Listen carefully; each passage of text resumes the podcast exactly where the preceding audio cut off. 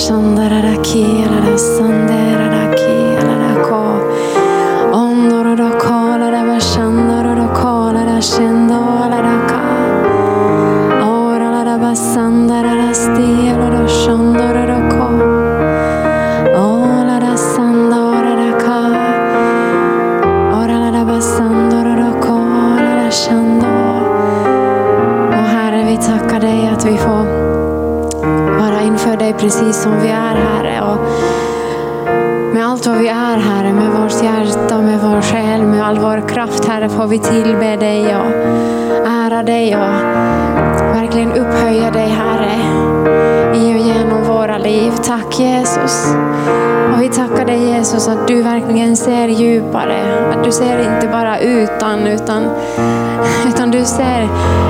in i vårt innersta Herre. Att du Jesus känner oss inifrån och ut. Tack Herre. Tack Jesus att vi behöver inte visa upp någonting inför dig. Utan precis så här så får vi komma och få komma in i allra heligaste. Och du har öppnat vägen dit Herre. Tack Jesus. Jag tackar dig Herre att du vill tala till var och en här och var och en som följer oss genom nätet Herre. Att du verkligen gör någonting som får vara livsförvandlande. Någonting som bara du helige Ande kan. Tack att vi får välkomna dig att beröra oss och öppna våra inre ögon att se dig ännu tydligare Herre. Tack Jesus. Halleluja. Amen. Tack underbara lovsångare. Tack Jesus. Och um, mm, ni säkert vet vem jag är som är här inne men om du som följer oss via internet så heter jag Petra Jeppinen och är också en av medarbetarna här i församlingen. Och jättekul att få, få predika idag. och, och eh, underbart att få samlas eh, som Guds församling tillsammans. Eh, vi, jag tänkte vi börjar med att läsa ett av bibelord som är min favorit nu för tiden. Eller en av dem, det är många favoriter. Men, men det är särskilt en som jag har känt liksom kommer, kommer hela tiden tillbaka. Eh, det är första Timoteusbrevet kapitel 6 och från vers 6 och framåt. Första Timoteus kapitel 6, vers 6. Ja, Guds fruktan i förening med ett förnöjt sinne är verkligen en stor vinning. Vi har ju inte fört något med oss in i världen, inte heller kan vi ta med oss något härifrån. Har vi mat och kläder ska vi vara nöjda med det. Guds fruktan i förening med ett förnöjt sinne är verkligen en stor vinning.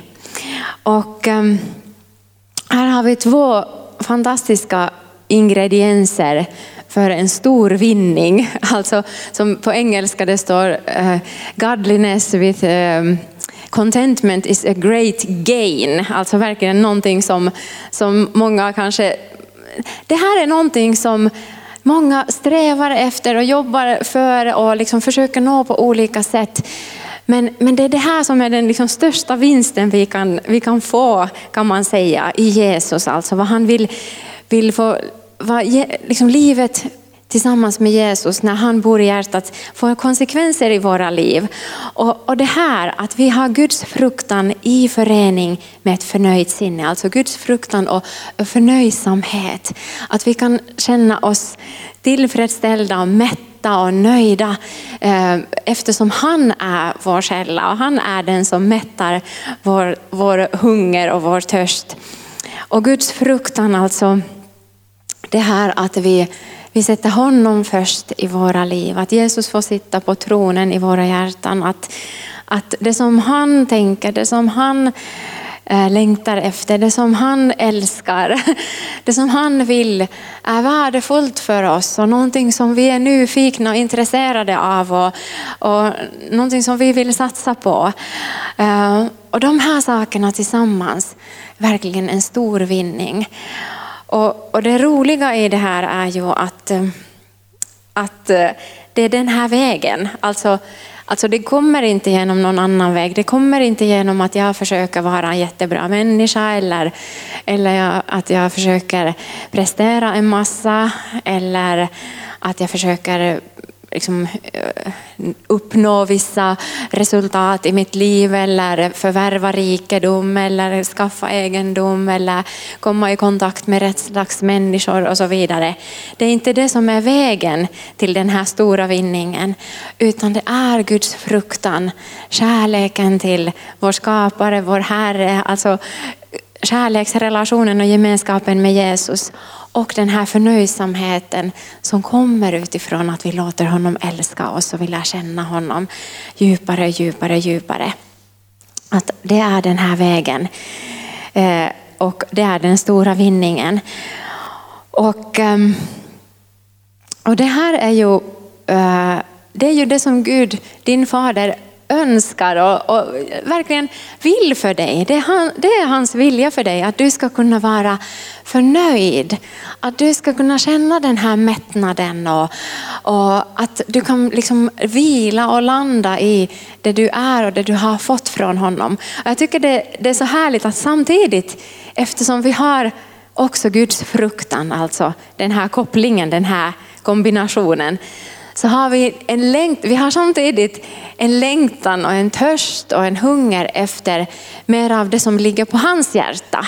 Det är, liksom, det är inte så att vi bara sätter oss ner och, och tänker så här att Åh vad härligt, nu har jag fått allt och mitt liv är så superbra och Gud har välsignat mig och han fortsätter välsigna mig och jag har en härlig relation med honom.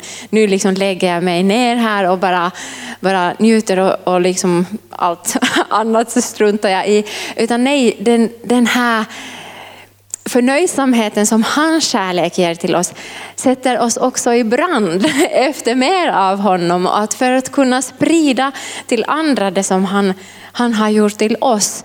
Så att det här är inte alls någon slags eh, som eh, man kanske kan tänka, om man tänker världsligt, att det, det kan lätt bli det här att ah, jag har allt vad jag behöver. Jag, jag liksom, ah, jag är nöjd med livet och det, det räcker liksom. Och jag och mitt lilla liv. Nej, utan vi kommer att få en bredare perspektiv och se längre och vidare och, och vi upptäcker att vi kan betyda någonting för andra.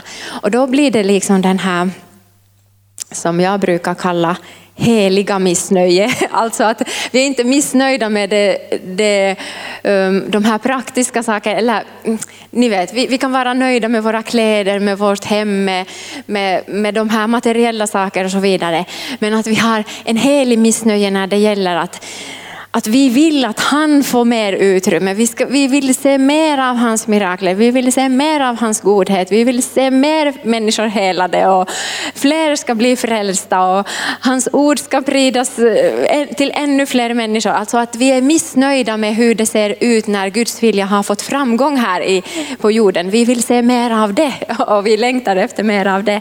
Och, eh, eh, och, och det, det i föreningen med det här med, med ett förnöjt sinne när det gäller vår mat, vår kläder, och vårt husrum och de här praktiska sakerna. En stor vinning och det som Gud vill med oss och på något sätt det som vi är skapade för. Ja, jag älskar ju att liksom, på något sätt tänka och förmedla det här som handlar om vår identitet. Alltså att vi som Guds barn som vi, vi som är hans avbild, vi som är skapade att vara lika honom, vi som har fått bli frälst genom Jesus och fått lära känna honom.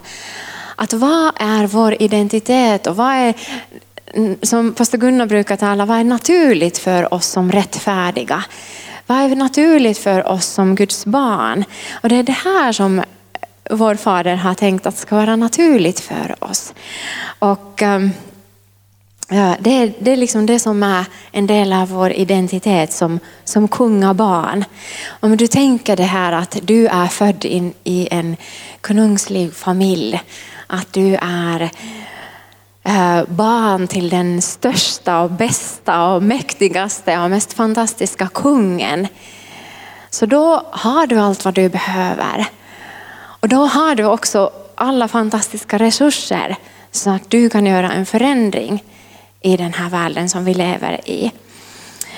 Och um, samtidigt är det så här att man kan säga att det här är inte alltid, inte alls så lätt. Det är i alla fall min upplevelse och många människors upplevelse som jag pratat med.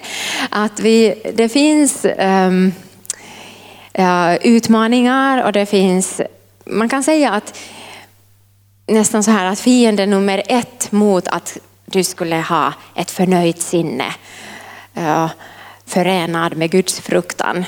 Det är ju jämförelse.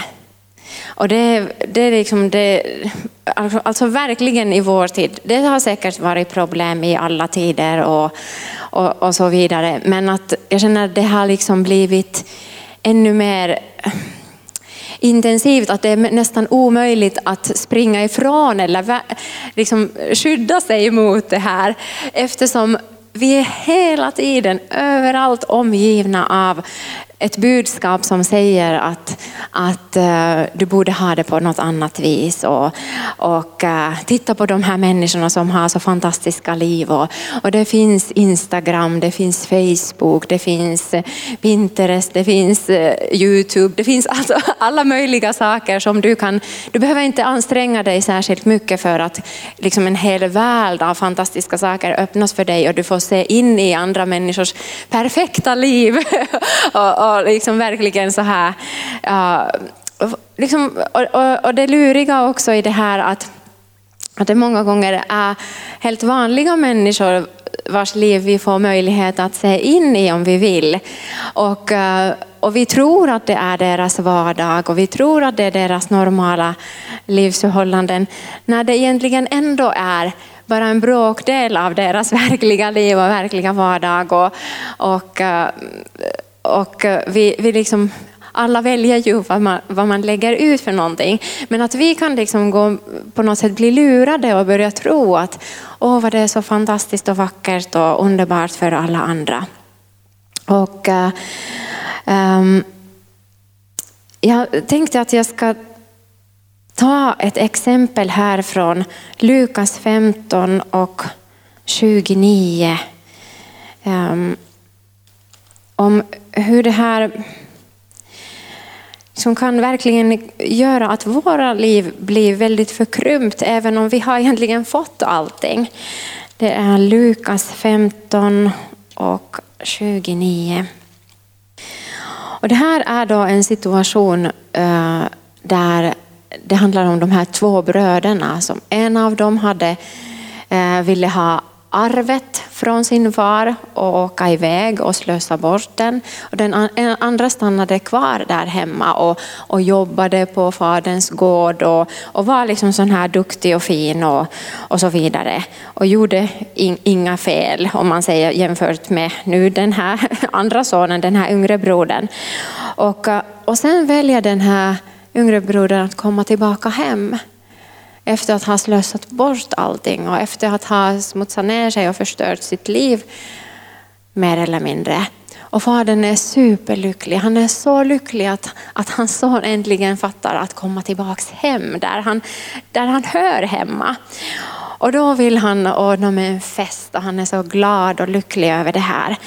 Men den här äldre brodern som har hela tiden då liksom utåt sett gjort allt som är rätt och, och så vidare. Han blir jättearg. Vi kan egentligen börja från vers 25 i Lukas 15. Men hans äldre son hade varit ute på ägorna. När han kom och närmade sig gården fick han höra musik och dans.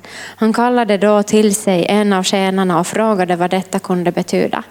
Tjänaren svarade, din bror har kommit hem och din far har slaktat den gödda kalven eftersom han har fått honom välbehållen tillbaka. Då blev han förargad och ville inte gå in. Fadern kom ut och försökte övertala honom, men han svarade sin, sin far, här har jag alla dessa år slavat under dig och aldrig överträtt ditt bud. Och mig har du aldrig gett ens en skilling så att jag kunde vara glad med mina vänner. Men när han där kommer hem, din son som har gjort slut på vad du ägde tillsammans med horor, då har du för hans skull slaktat den gödda kalven. Fadern sade till honom, mitt barn, du är alltid hos mig och allt mitt är ditt. Men nu måste vi ha fest och glädja oss. Ty denne din bror var död men har fått liv igen. Han var förlorad men är återfunnen. Och här ser vi ju liksom jättetydligt exempel på vad jämförelsen gör. Alltså det här att vi börjar jämföra oss med andra.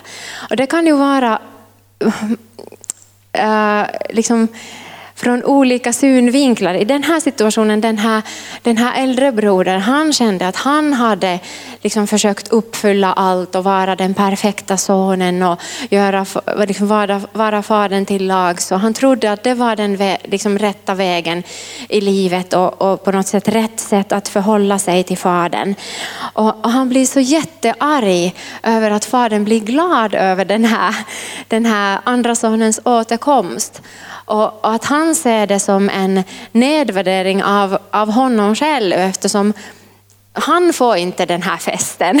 Han som hade gjort allting rätt. Att hur, hur ska det här gå till? Och hans hjärta blir liksom helt förmörkad över det här. Och han kan inte vara glad över, över den här välsignelsen att, att brodern har kommit hem och han kan inte vara glad tillsammans med sin far. Och, och Ehm, vi kan ju eh, också liksom, alltså jag tänkte på det här, det kan vara från olika synvinklar vi ibland börjar jämföra. Ibland jämför vi oss med andra som att ja, men jag har liksom verkligen försökt, jag har gjort mitt bästa, jag har liksom varit så duktig och så vidare. Och sen de andra bara lever hur som helst och ändå har de det så bra. Att det här inte är rätt.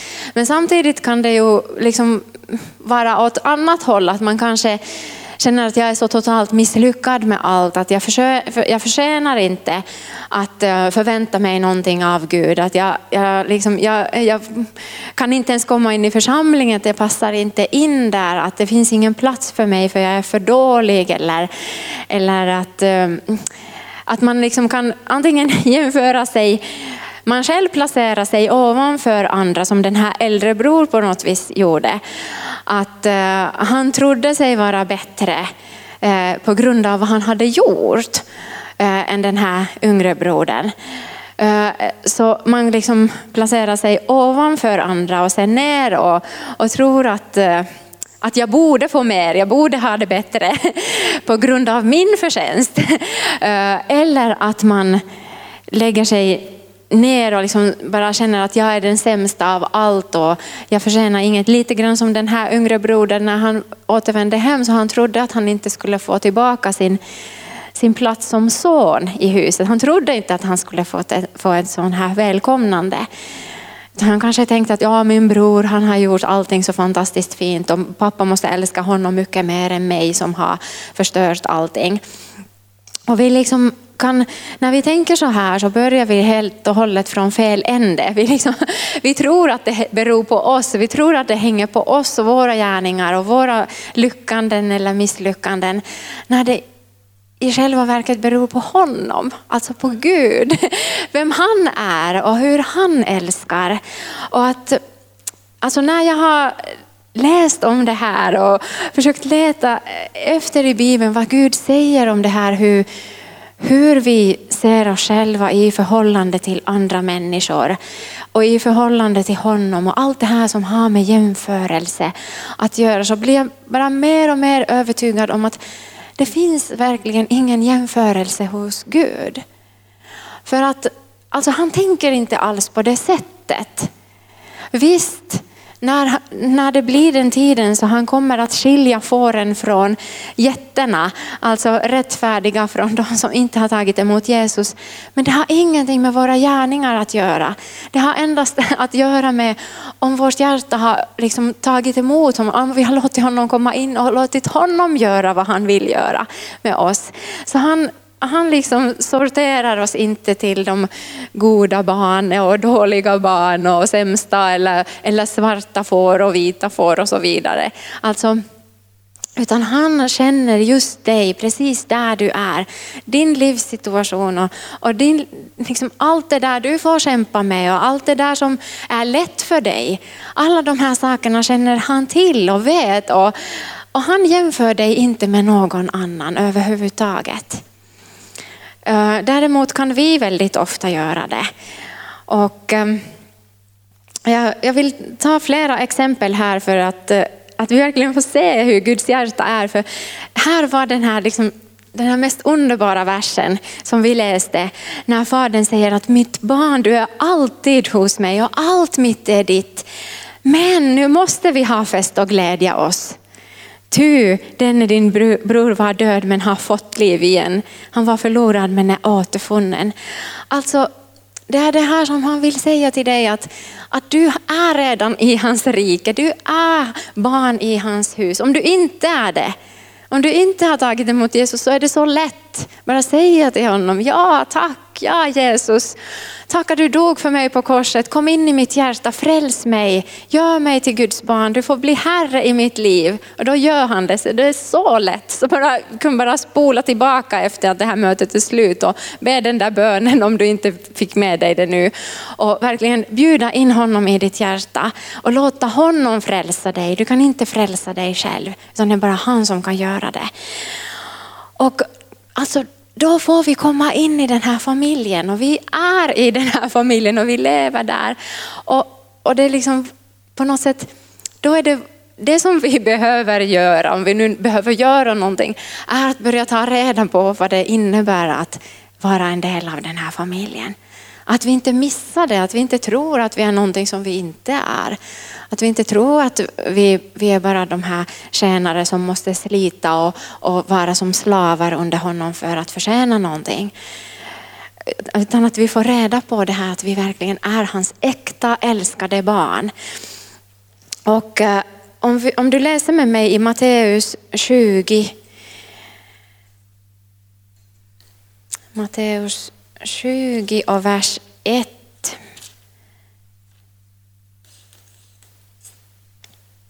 Så här berättar Jesus en liknelse. Ty himmelriket är likt en husbonde som tidigt på morgonen gick ut för att leja arbetare till sin vingård. Han kom överens med dem om en dagslön på en denar och skickade dem till sin vingård. Vid tredje timmen gick han ut och fick se andra stå arbetslösa på torget. Han sa till dem, gå ni också till min vingård, jag ska ge er en rättvis lön. Och det gick. Vid sjätte och vid nionde timmen gick han ut igen och gjorde likadant. Också vid elfte timmen gick han ut och fann några andra stå där och han sa till dem, varför står ni här hela dagen arbetslösa? De svarade honom, därför att ingen har lejt oss. Han sade då till dem, gå till min vingård ni också. På kvällen sade vingårdens herre till sin förvaltare, kalla på arbetarna och ge dem deras lön. Men börja med det sista och sluta med det första. De som hade blivit lejda vid elfte timmen kom då fram och fick var sin denar. När sedan det första kom trodde de att de skulle få mer, men också de fick en denar. När de fick den klagade den på husbonden och sade, det där som kom sist har gjort en timme och du har jämställt det med oss som har stått ut med dagens slit och hetta. Han svarade en av dem, min vän, jag gör dig ingen orätt. Kom du inte överens med mig om en denar?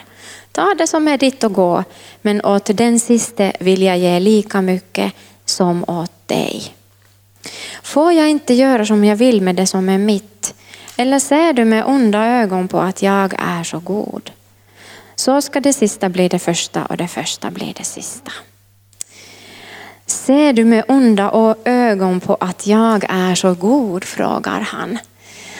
Och ehm, det här kan ju också vara en utmaning. Jag tänkte just när Timo berättade här i sitt kollektal det här att, att man har kanske gett och gett och gett på olika sätt genom att göra saker, tjäna i, i församlingen, genom att hjälpa människor. Man kanske har gett och gett av sina pengar eller sina resurser på olika sätt.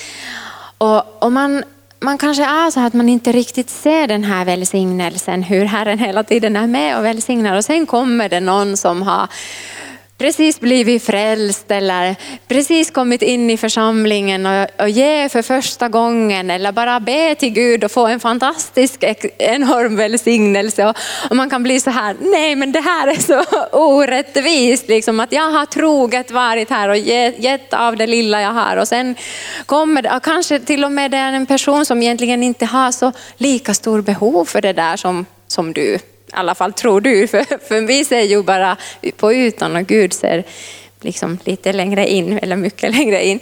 Men att Alltså det kan vara verkligen en utmaning för oss, att hur ska vi göra nu? Eller, eller man kanske har, har troget liksom haft sin uppgift i, i församlingen och höll på och gjort år efter år och sen, sen kommer det en ny härlig person som snabbt får utrymme och snabbt får göra saker som du kanske hade drömt om att du skulle få göra. Och, och vad, vad, liksom, vad händer i våra hjärtan då? Kan vi då vara glada och, och, eller börjar vi jämföra oss med en annan person och, och tänka så här att nej men det här är orättvist. Liksom att jag har slitit här och jag har fått liksom jobba mitt i dagens hetta och, och allt det här. Och hur kan det, de andra bara liksom få det här så lätt? Och Gud säger här att, att ser du med onda ögon på att jag är så god? Får jag inte göra med mitt det som jag vill? Att är det vi som ska säga hur saker och ting ska vara eller är det Gud? Alltså är det, är det vi som vet bäst hur, hur saker och ting ska göras i hans rike eller är det han? Och, ehm, och att Gud liksom påminner här också att, att jag har ju jag gör dig ingen orätt, kom du inte överens med mig om en denar.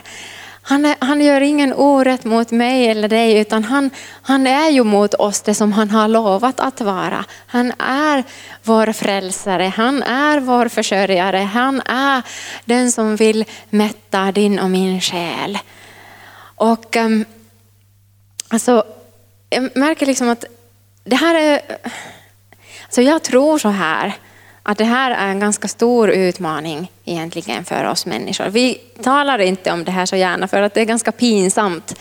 Ingen vill ju erkänna att jag är avundsjuk på någon eller jag liksom jämför mig med andra och känner mig sämre eller orättvist behandlad och, och så vidare. Så vi kanske ofta liksom håller det oss för, själv, för oss själva men, men, men jag, jag tror att det här är liksom ganska lätt hänt att jämförelsen vill knacka på dörren och försöka liksom dra oss in på den här destruktiva vägen. Sen naturligtvis, vi behöver inte gå med och vi, ju, ju närmare in i, i liksom Jesu hjärta vi kommer, ju, ju mer vi låter hans kärlek bara skölja över oss och fylla oss och mätta oss, så desto, desto lättare så har vi ju liksom att säga nej till det här med jämförelse och inte gå med på det, utan vi kan istället få se varandra med kärlekens ögon och glädja tillsammans med varandra över varandras liksom glädjeämnen och framgång och hur Herren välsignar. Och det tror jag också finns jättemycket. Och det, har jag,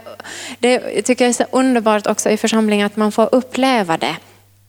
Eh, och, eh, och jag bara liksom, alltså det, det är verkligen kärleken som är botemedlet mot så många saker som försöker på något sätt förstöra eller äta upp oss in i, liksom på insidan. Det är hans kärlek som är som läkemedel mot det där. Och, ehm, och jag tackar dig Jesus. Jesus, tack Herre. Tack Jesus att du bara fyller var och en nu med din kärlek. Jag ber Herre att att vad som än ditt ord liksom kan lyfta upp nu eller peka på på insidan så Herre, får det ske i din kärlek och att, att du Herre banar en utväg, att du vill visa en väg ut ur den här jämförelsens fängelse eller snara Herre. Tack Jesus, jag tackar dig Herre att vi, vi får i församlingen glädja oss över varandra, att vi får styrka och lyfta upp varandra Herre. Och vi får verkligen se hur det blir bara till en större välsignelse. Tack Jesus. Men ber Herre, speciellt de som känner att det här är jobbigt eller svårt, så Herre, att du hjälper att ditt ord får göra någonting på insidan Herre. Att ditt ord får verkligen sätta fri Herre. Tack Jesus. Tack Herre. Jag tackar dig heliga Ande att du bara berör var och en just nu och talar det som behöver talas in idag och gör det som behöver göras idag. Tack Herre.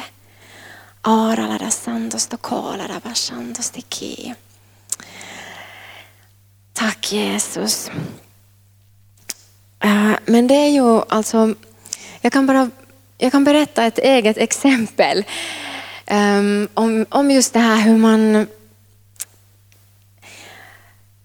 hur man kanske har lätt liksom Ja, jag berättar exemplet först så får du, får du sen ja, får Herren öppna det här. Men, men det var ju så här att när vi kom till bibelskolan så kommer jag ihåg att vi var ju väldigt ivriga och, och och speciellt efter, liksom, i början när, när vi började här så var ju min tanke jättemycket bara det här väldigt själviskt, liksom, att jag vill bli helad och upprättad, jag vill kunna må bra och inte ha så ont på insidan och allt det här och sen fortsätta leva mitt liv som vanligt. Och, men sen när jag upptäckte att Gud hade större planer och han ville mer och, och han vill liksom rusta oss och, och, att han ville ha med oss i det här när han vill upprätta andra människor. Och, och, och vi var ju verkligen så här ivriga och brinnande och, och, och sen eh, liksom jättemycket tankar hur det här skulle kunna hända och så.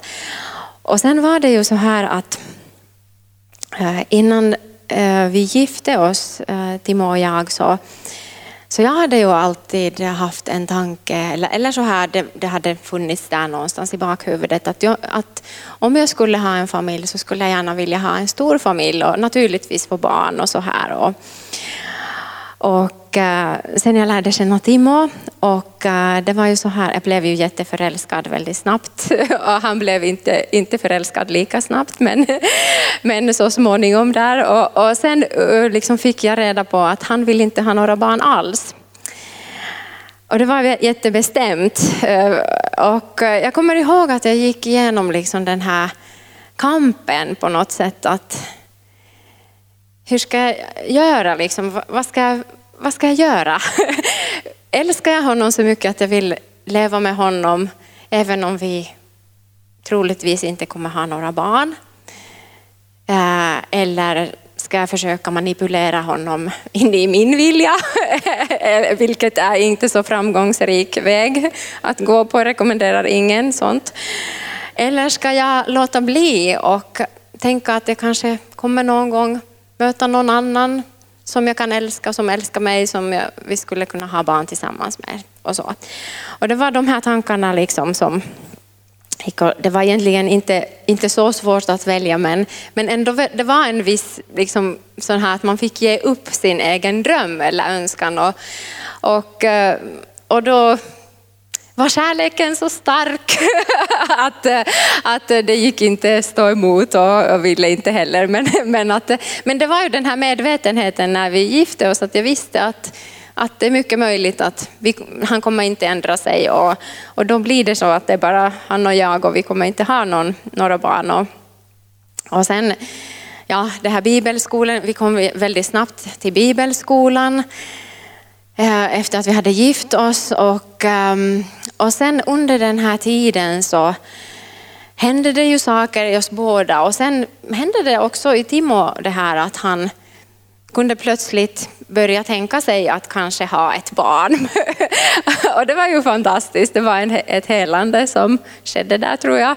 Och, ehm, och också, jag var ju också så här väldigt att, åh vad underbart. Men jag kommer ihåg att jag hade tänkt när jag hade sett liksom våra vänner som hade fått barn och så vidare att, att, eh, och var mammalediga och så vidare. Åh vad mysigt, vad underbart, vilket liv, liksom få vara hemma med bebisen. Och, åh, vad, eh, och liksom tänkte, oj tänk om man skulle få leva så där. Och, och det såg så rosigt, liksom bara rosor och rosa och kärlek och bomull och så vidare. Ja, det var min bild av det här liksom, mammaledighet och, och bebislivet. Och, och sen fick vi vår, vårt eh, första barn, helt underbar son när, när jag blev, det var egentligen nästan samtidigt som jag blev färdig med bibelskolan så föddes han bara en vecka efter där. Och, och det var ju helt underbart naturligtvis, vilken fantastisk gåva och vi är supertacksamma.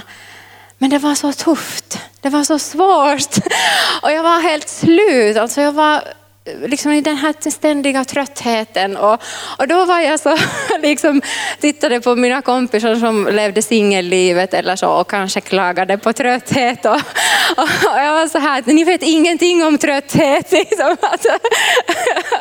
och den, det där bebislivet, det var inte alls vad jag hade trott. Och, och, verkligen inte, jag var inte alls förberedd mentalt på hur det skulle kunna vara. Och, eh, och, och sen eh, samtidigt så försökte vi liksom hålla fast vid det här som Gud hade talat liksom om kallelsen och, och, och tjäna i församlingen och allt det här. Och sen eh, kombinera det här livet. Och sen fick vi vårt andra barn också. Och tack och lov, det gick ju lättare då. Det var inte lika tufft, men, men tufft var det ju ändå. Man var ju en sån här dimma i tre, fyra år där när barnen var små. Men i alla fall, eh, jag kommer ihåg någon gång när jag eh, när det var så, sån helg att Timo var nog bortrest, kanske något teamresa till Finland eller någonting. Och jag var ensam och jag kom på söndag till gudstjänsten.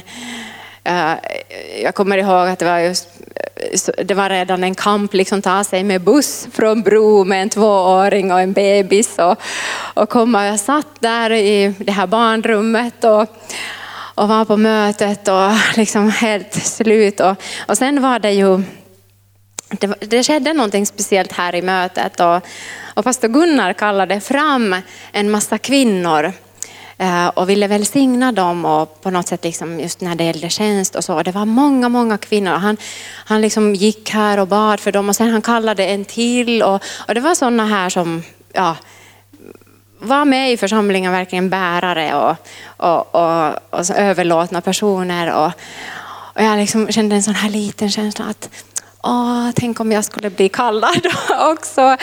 Men jag blev aldrig det.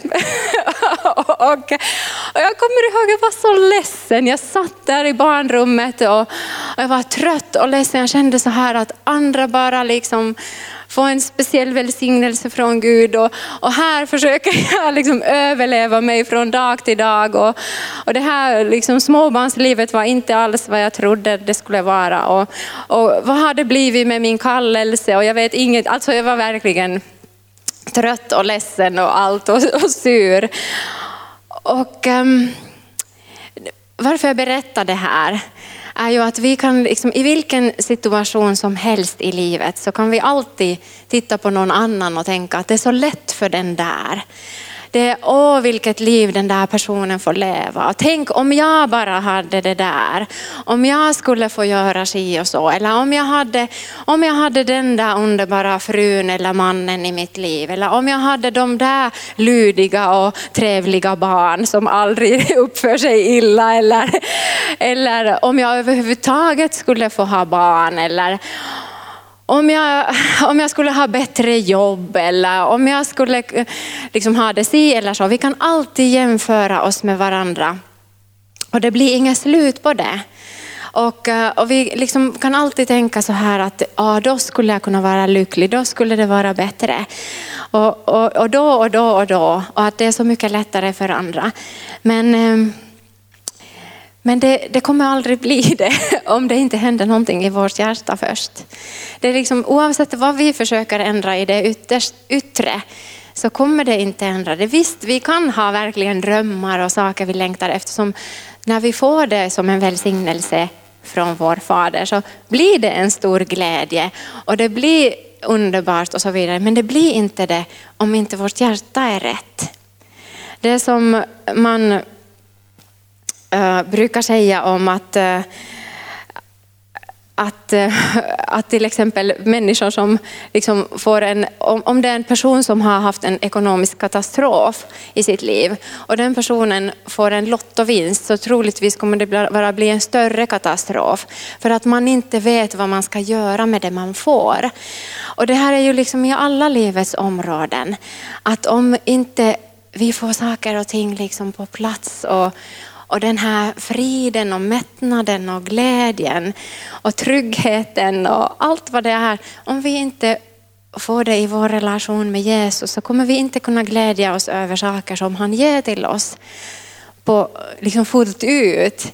Visst, vi kan alltid uppleva en viss mått av glädje, men vi kommer aldrig, alltid också känna den där missnöje och det här jämförelse och det här att om eller bara vi skulle, bara jag skulle få det här eller om eller då eller alltid det är liksom någonting som inte är här och nu. Och så förnöjsamhet tillsammans med Guds fruktan, i förening med Guds fruktan, verkligen en stor vinning. Och jag är så tacksam att att eh, liksom, den dagen som jag beskrev här, det var verkligen ingen höjdare. Men att eh, jag fick då lära mig att liksom, komma bara liksom, ta, vårda om och ta hand om min relation med Jesus och, och upptäcka mer och mer i den relationen vem jag är och vad han har för tankar för mig.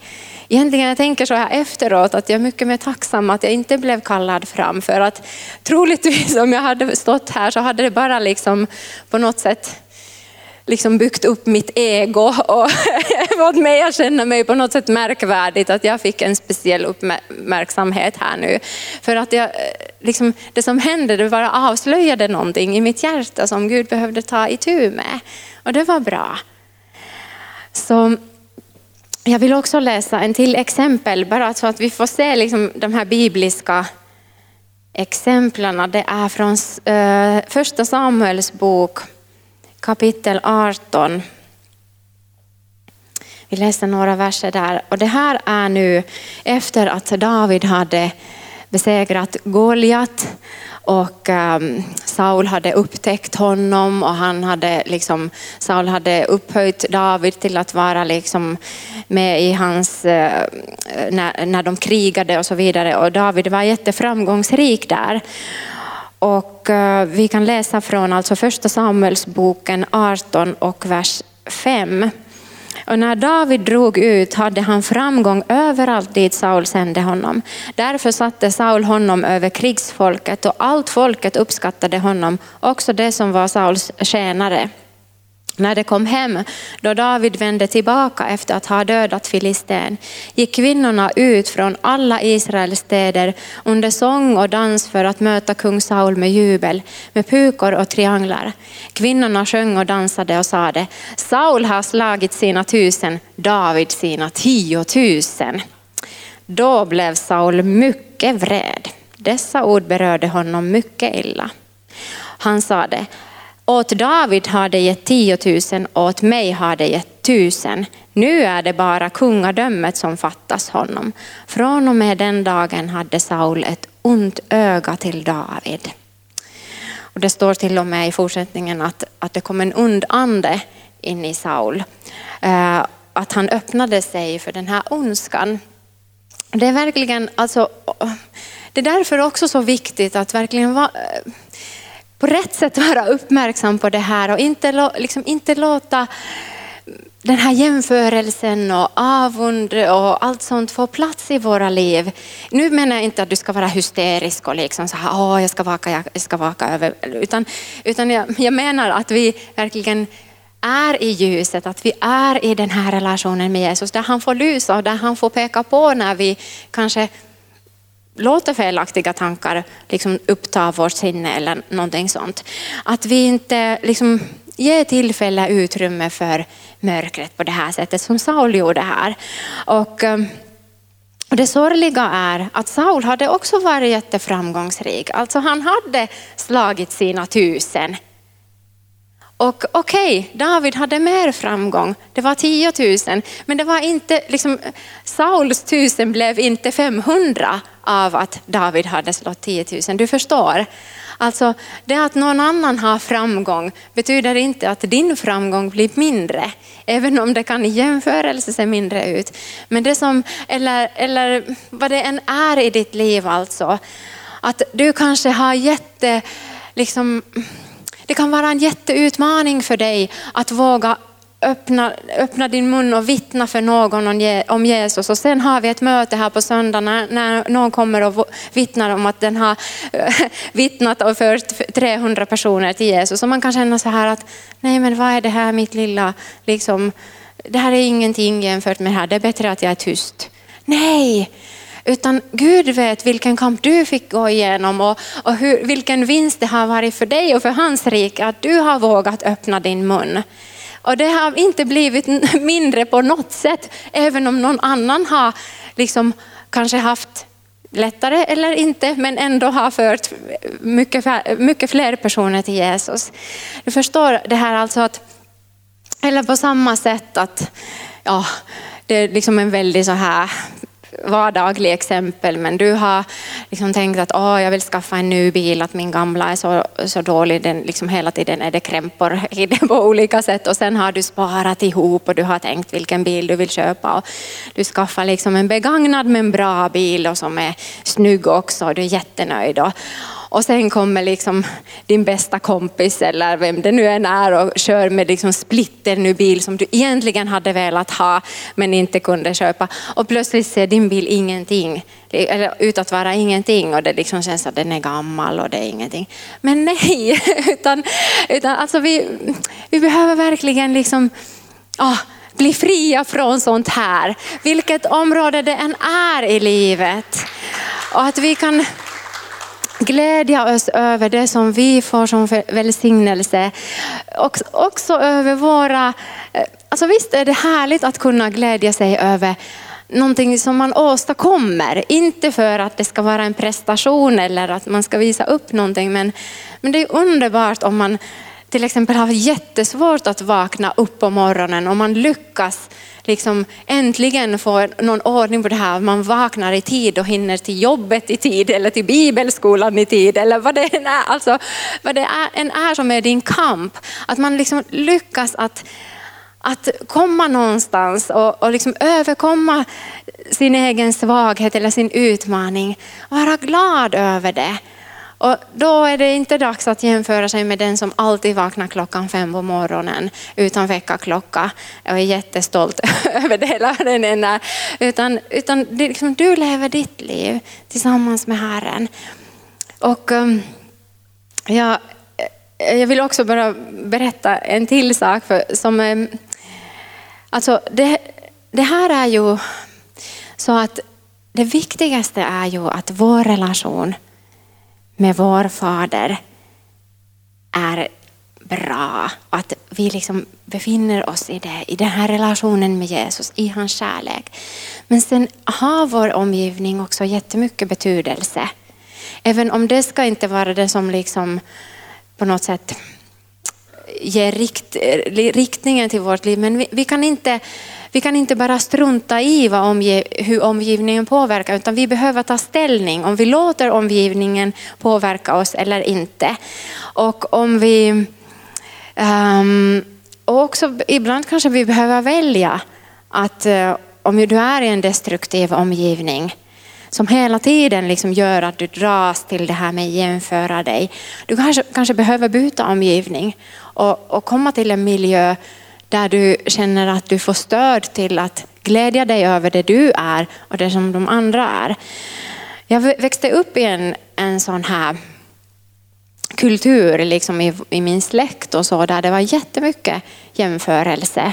Och, och eh, just, just på det här sättet, inte det här svenska att åh vad du är fin och fantastisk och du kan, liksom man ritar ett streck och åh vilken konstnär du är, säger man till barnet. In, inte den typen av, eh, liksom, utan det var mera så här att som barn så fick man alltid höra hur, hur vuxna i närheten berömde och talade gott om, om de andra barnen, om kusiner och, och så vidare. Men det var ytterst sällan, jag kommer inte ihåg att det skulle vara många gånger eller, eller någon gång att man fick höra något positivt om sig själv.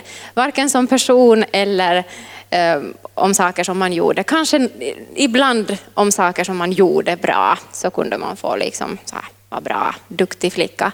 Så här. Men men det, det, är en väldigt destruktiv miljö att växa upp i och du kanske känner igen dig i det här. För man blir liksom nästan så här programmerad i att man hela tiden jämför sig nästan omedvetet med alla andra. Och sen det var så roligt när jag, jag blev frälst och jag skulle studera och jag flyttade i en annan stad och jag fick bo tillsammans med en tjej som, som var så härlig. Hon var, hon var också frälst och hon var så annorlunda än någon som jag någonsin hade mött. Alltså hon var så vacker och hennes pappa kom från Pakistan och, och hon var ju så exotisk. Liksom. Eh, eh, själva, liksom, hela hennes personlighet var så, liksom, hon var så strålande liksom, på alla sätt och vis. Men hon, det kändes som att hon liksom hon brydde sig inte, hon var bara, bara nöjd och glad och hon brydde sig inte så jättemycket om vad folk tyckte om hon såg bra ut eller inte, utan hon bara levde livet. Och, och sen, sen hon var så generös, det var liksom alltid så här um, hon kunde liksom plötsligt säga till åh vad det är så vackert när du har det så här. Och, och liksom att hon pratade om andra människor, hur sköna de var, hur vackra de var. Och, och, det kände, och jag var helt så här att hur kan du liksom göra sådär? Att, att, jag hade aldrig mött sånt. Jag hade aldrig liksom varit i en miljö där man behandlade varandra på det sättet. Och det var så otroligt liksom att hur uppmuntrad och upplyft man blev i hennes sällskap.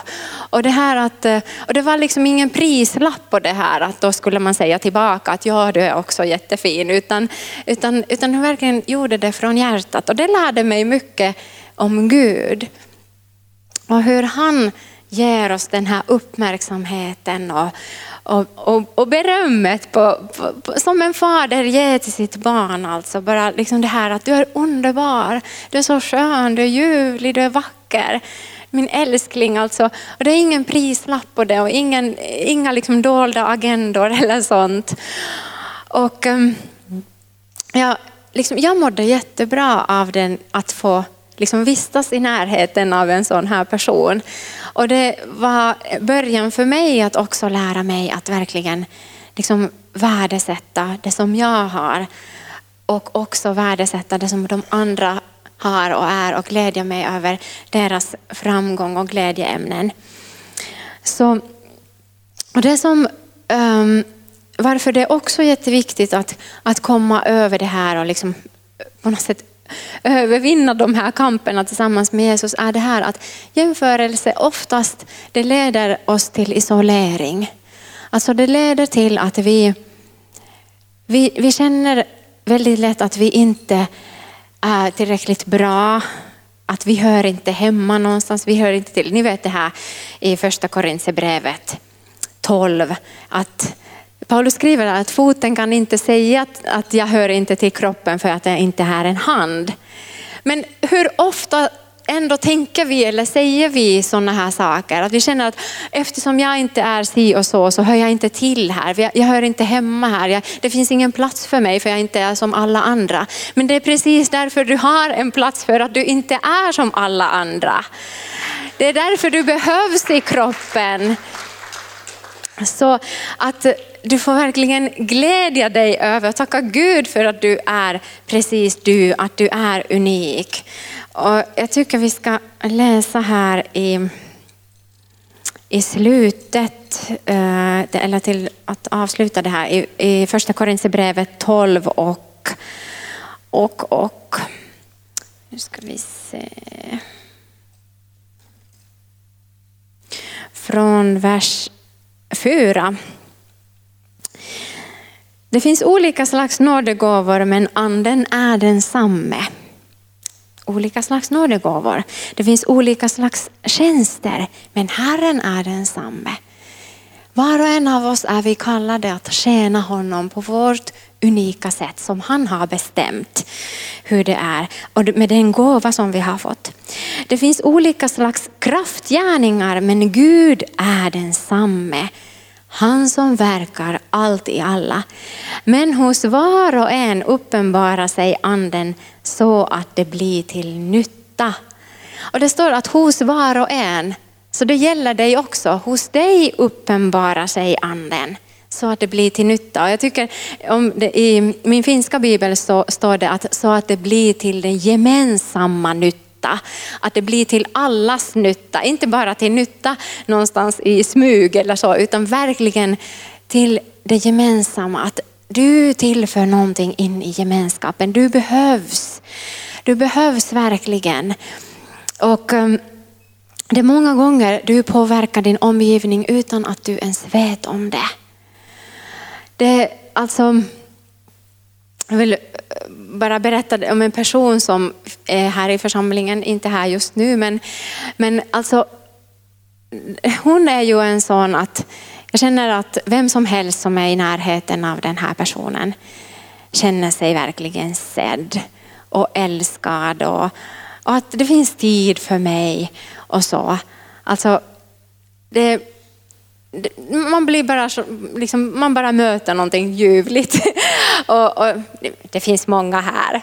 det finns många, så att jag, jag vill inte utesluta er, men nu, nu, är det en särskild person som jag tänker med. Och sen har jag upptäckt när jag har umgåtts med henne att hon har ingen aning om det här själv. Jag tror inte hon ens förstår hur hon påverkar sin miljö. Hon bara är den hon är. Men att bara genom sin närvaro så, så, så får man liksom känna att åh, vad skönt att det är bara här. och eh, att, att, liksom, att jag får vara mig själv. Och, eh, och det, det är så ljuvligt. Men det, det händer helt utan att hon har någon presterande eller att hon skulle försöka, försöka, försöka. Åh, hoppas att alla nu känner sig jätteälskade när de möter mig. Nej, utan hon bara är. Och på det här sättet, utan att vi ens vet om det, utan att vi har någon aning, vi många gånger påverkar varandra i den här Kristi kropp, hans församling. Så du behövs. Även om du kanske tänker att du är helt oansenlig lem som ingen ser, ingen märker till. Som jag kanske tänkte i det där barnrummet när jag var när jag inte blev kallad fram. Jag kände att ingen ser mig, ingen ens vet att jag finns här i den här församlingen i min stora självömkan. Och du ändå, du finns och du behövs och du påverkar. Alltså, det, Ah, ja, vi fortsätter. Och det, som, det, det är hur hel, den heliga ande uppenbarar sig i dig och genom dig. Det är alltid till det gemensamma nytta, till det här att vi tillsammans får växa och vi får lära känna Gud ännu mer och, och verkligen att hans vilja ska få ha framgång mitt ibland oss. Amen. Och sen fortsätter vi här i vers 11. Men allt detta verkar en och samma ande som efter sin vilja fördelar sina gåvor åt var och en. Så det är efter hans vilja, det är inte vi som bestämmer över det här. Så vi kan slappna av. för, att, för att han bestämmer, så bara ta emot och, och eh, använd den gåvan du får. Och låt den blomstra. Och låt den välsigna honom och andra och ge honom ära. Och sen har vi i, i, i, i vers, ja, vers 14. Kroppen består ju inte av en enda lem utan av många.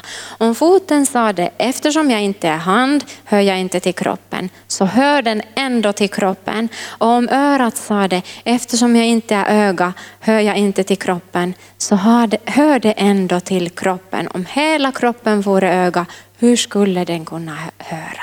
Om hela kroppen vore öra, hur skulle den då kunna känna lukt? Men nu har Gud satt lemmarna i kroppen, var och en av dem, som han har velat. Så det här är så underbart att han har satt ihop oss. Och tänk att han har fört oss också hit den här söndagen och dig som följer oss via nätet. Han har också kopplat ihop med oss andra. Och han har satt ihop oss. Och Och det är hans fantastiska plan. Och då liksom får vi vara fria från all jämförelse, från all självömkan, alla tankar som skulle liksom säga att jag är inte är tillräckligt bra eller, eller att jag, jag borde få mer för jag har jobbat mer eller vad det än kan vara, de här lögnerna. Utan vi får ha vår egen plats som han har gett till oss. Och vi får ha den här gåvan som han har valt att dela till oss var och en och låta den verkligen liksom vara någonting som blir till stor glädje för honom och för varandra. Så jag tackar dig Herre, jag tackar dig Jesus att du har skapat oss var och en. Tack att du har skapat oss så övermåttan underbart Herre. Och att du har inte gjort något misstag när du skapade oss var och en, utan du har haft en väldigt detaljerad och genomtänkt plan som du har fullbordat Herre. Och jag tackar dig Jesus att vi får också finna oss själva i din plan. Tack Herre att det är din plan, det är inte vår plan utan det är din plan. Och vi får verkligen slappna av och, och bara njuta av att du har placerat oss in i den här kroppen som är din församling på det sättet som du har velat. Och tack Herre att ingen av oss är obetydlig Herre och ingen av oss är oviktig utan du du har någonting speciellt för oss var och en. Och tack Herre, jag bara tackar dig Jesus att du också hjälper oss i, där vi är Herre, i kontakten och i, i liksom förening med de andra lemmar som är nära oss Herre. Där det kan ibland kanske kännas att det blir slitning eller att man lättare jämför sig med andra eller att det, det gör ont och att det kan vara svårt. Så jag tackar dig Herre att du hjälper oss där.